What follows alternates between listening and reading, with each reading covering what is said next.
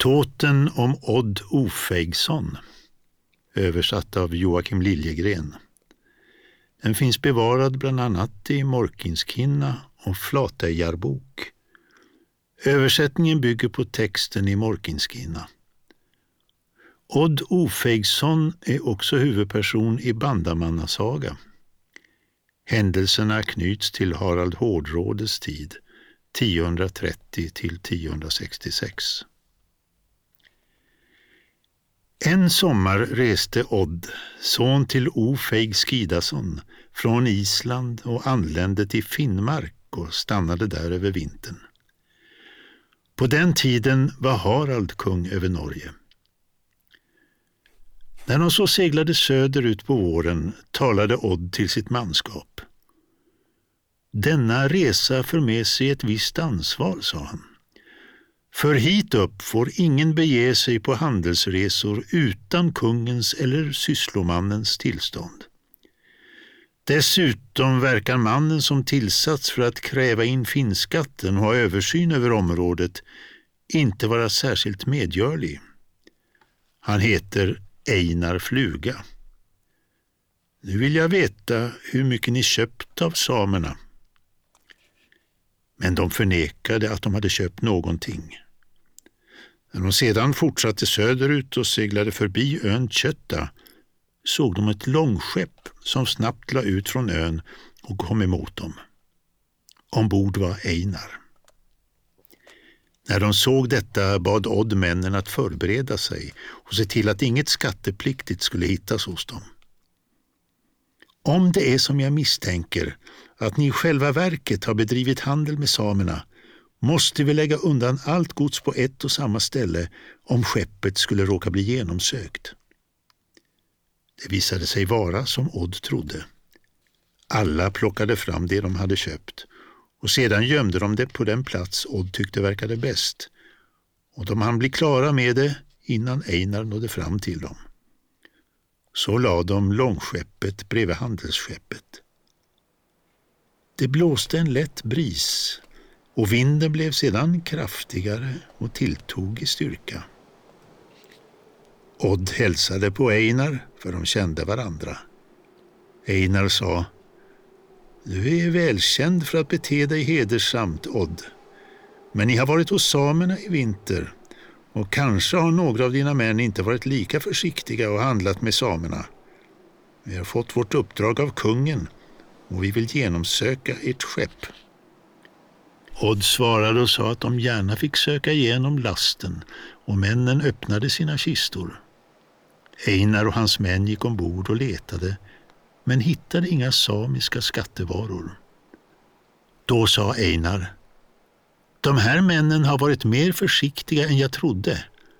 Nu tycker jag mig knappast kunna bryta upp lastsurningen, för vinden tilltar och det är klokast om vi går tillbaka till vårt skepp. Då sa en man som satt på lastgodset Dessförinnan måste du granska den här packen som jag har och se vad den innehåller. Han tog fram den och började knyta upp den medan Einar väntade. Det var en lång rem runt packen så den var svår att öppna och han höll på länge. Einar bad honom skynda på. Han sa att han skulle göra det och plockade fram ännu en packe ur den yttre packen som han nu började öppna. Men det var många remmar runt och det blev ordentligt trassligt för honom. Då sa Einar. Men vad långsam du är! Ändå väntade han ifall det skulle finnas något i hans packe som han skulle kunna åtalas för. Därefter kom en tredje packe fram. När han hade lyckats öppna den visade det sig att den bara innehöll några trasor och andra oanvändbara saker. Då utbrast Einar. Du din lymmel! Du har lurat och fördröjt oss så att ön har försvunnit ur sikte. Han återvände till sitt skepp för vinden tilltog i styrka och de kunde inte hålla kvar vid handelsskeppet. På så sätt skildes de åt. Då sa Odd. Vi har klarat oss från Einar Flugas angrepp men nu tror jag att det är viktigt att vi inte stöter på kungen. Einar skickade genast bud till kungen och meddelade honom vad som hade hänt. Sedan när de kom söderut vid ön Mjöla var det så att kung Harald redan låg där och väntade och de fick syn på handelsskeppet. I och med att kungen hade blivit förvarnad sa han när de fick syn på skeppet Kanske kommer detta att gå bra. Det där måste vara Odds skepp och det är ju passande att vi möts. För det är sällan som Einar blivit så lurad som av Odd och hans besättning. Kungen var arg. Odd och hans manskap seglade nu mot ön. Kungen och hans män dröjde inte utan for genast för att möta Odd och han välkomnade kungen varmhjärtat. Men kungen svarade fåordigt och rätt ilsket och sa att Odd hade betett sig respektlöst. Han menade att han själv alltid hade tagit emot honom hedersamt och sa att han nu varit och handlat med samerna utan tillåtelse.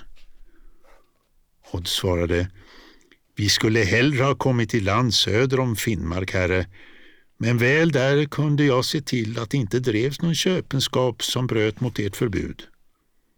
Kungen sa jag känner på mig att det nog finns skäl att bakbinda er alla och hänga er i det högsta trädet. Och även om du själv är oskyldig tycker jag att det verkar som att dina män inte skulle tveka att bedriva olaglig handel, så vi vill genomsöka ert skepp. Det får du så gärna, herre, sa Odd. Det gjorde de också, men de hittade ingenting. En man hette Torstein och var släkt med Torir hund. Han var en ung och lovande man och en god vän till Odd och vid den här tidpunkten var han hos kungen. Torstein stannade kvar på skeppet där kungen och de andra hade gått iväg och han började sedan lågmält prata med Odd och frågade om de egentligen var skyldiga till det de anklagats för. Han sa att kungen var arg och att deras skepp nog skulle undersökas flera gånger till. Då tror jag att vi knappast kommer att bli rentvådda från anklagelserna. De handlade först på egen hand trots att jag förbjudit dem, men nu har jag ändå hjälpt dem med att gömma varorna. Var ligger godset nu? frågade Torstein. Odd sa honom att allt låg i en skinnsäck.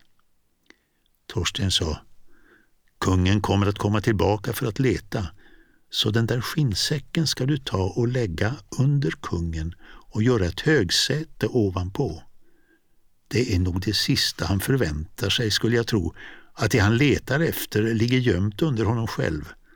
Men det har ju också sina risker. Sedan gick Torstein iväg och Odd gjorde som han hade sagt. Kungen kom tillbaka lite senare och satte sig på den plats eller det säte som förberetts åt honom medan hans män letade i alla kistor efter varorna och allt bröts upp där man trodde att det de hade gömt skulle finnas, men de hittade ingenting.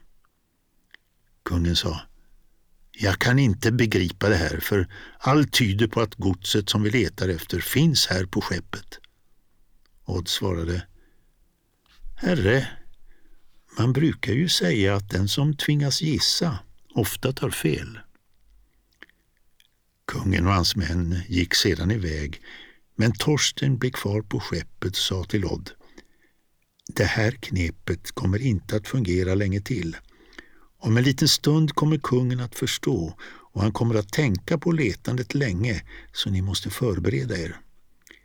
Nu ska ni lägga godset i seglet och sedan hissa upp seglet i masten. Nästa gång kommer allt ombord att brytas upp, både lastsörningen och allt annat. Sedan gjorde Odd och hans män som Torsten hade sagt och han gick iväg. Men när han kom ikapp kungen och hans folk frågade kungen varför han dröjt kvar. Jag var tvungen, herre, svarade han. Jag behövde knyta skorna.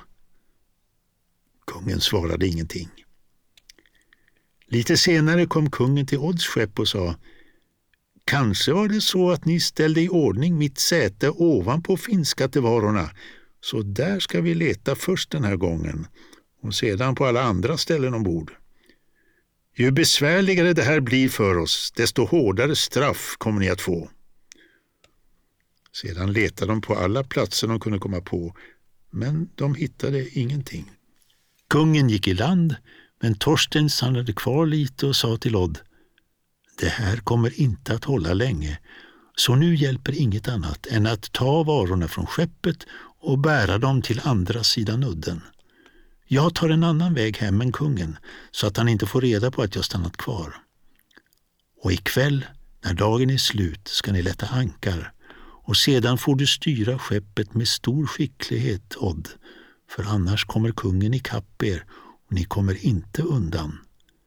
Han är mycket listig av sig och obeveklig när han bestämt sig för något.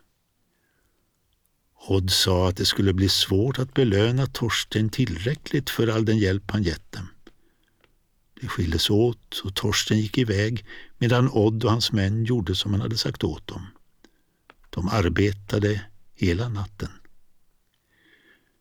På morgonen kom kungen tillbaka och lät nu undersöka seglet, men ingenting hittades och kungen undrade fortfarande var de hade gömt godset. Odd sa, Herre, nu kan du väl inte misstänka oss längre, för nu har ni vänt upp och ner på allting ombord. Kungen svarade att det nog ändå inte var som Odd påstod och han sa att ingen hade betett sig så föraktfullt mot honom. Det är knappt att prata med kungen, så vredgad var han. Dagen gick. Och när det mörknade flyttade de tillbaka godset på skeppet och gjorde sig i ordning. Vid gryningen kom en bris som förde dem från land. Kungen vaknade tidigt och sa Nu tror jag mig förstå allt och det är nog fler som haft ett finger med i spelet än bara dem. Nu är jag säker på att vi kommer att hitta det vi letar efter ombord.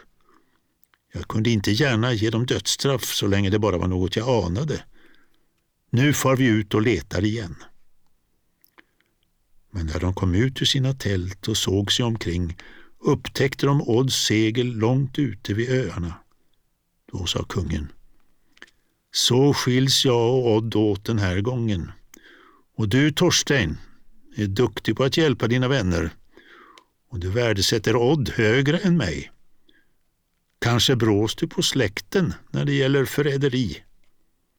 Torsten sa, Herre, det är inget förräderi att du inte dödar din gamle vän Odd och många andra bara på grund av misstankar. Jag tycker snarare att det visar på trohet gentemot dig att hindra dig från ett sådant tilldåd. Odd och hans män la ut till havs och hade medvind. Då sa Odd till sin besättning.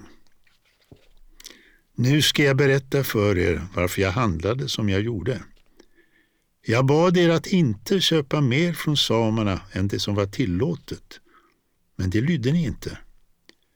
Och när vi sedan stötte på Einar sa jag att ni skulle välkomna honom hövligt, men vara omständliga och långtradiga för jag visste att ni var skyldiga. Jag bad er segla medan han låg och väntade så att vi så fort som möjligt skulle skiljas åt.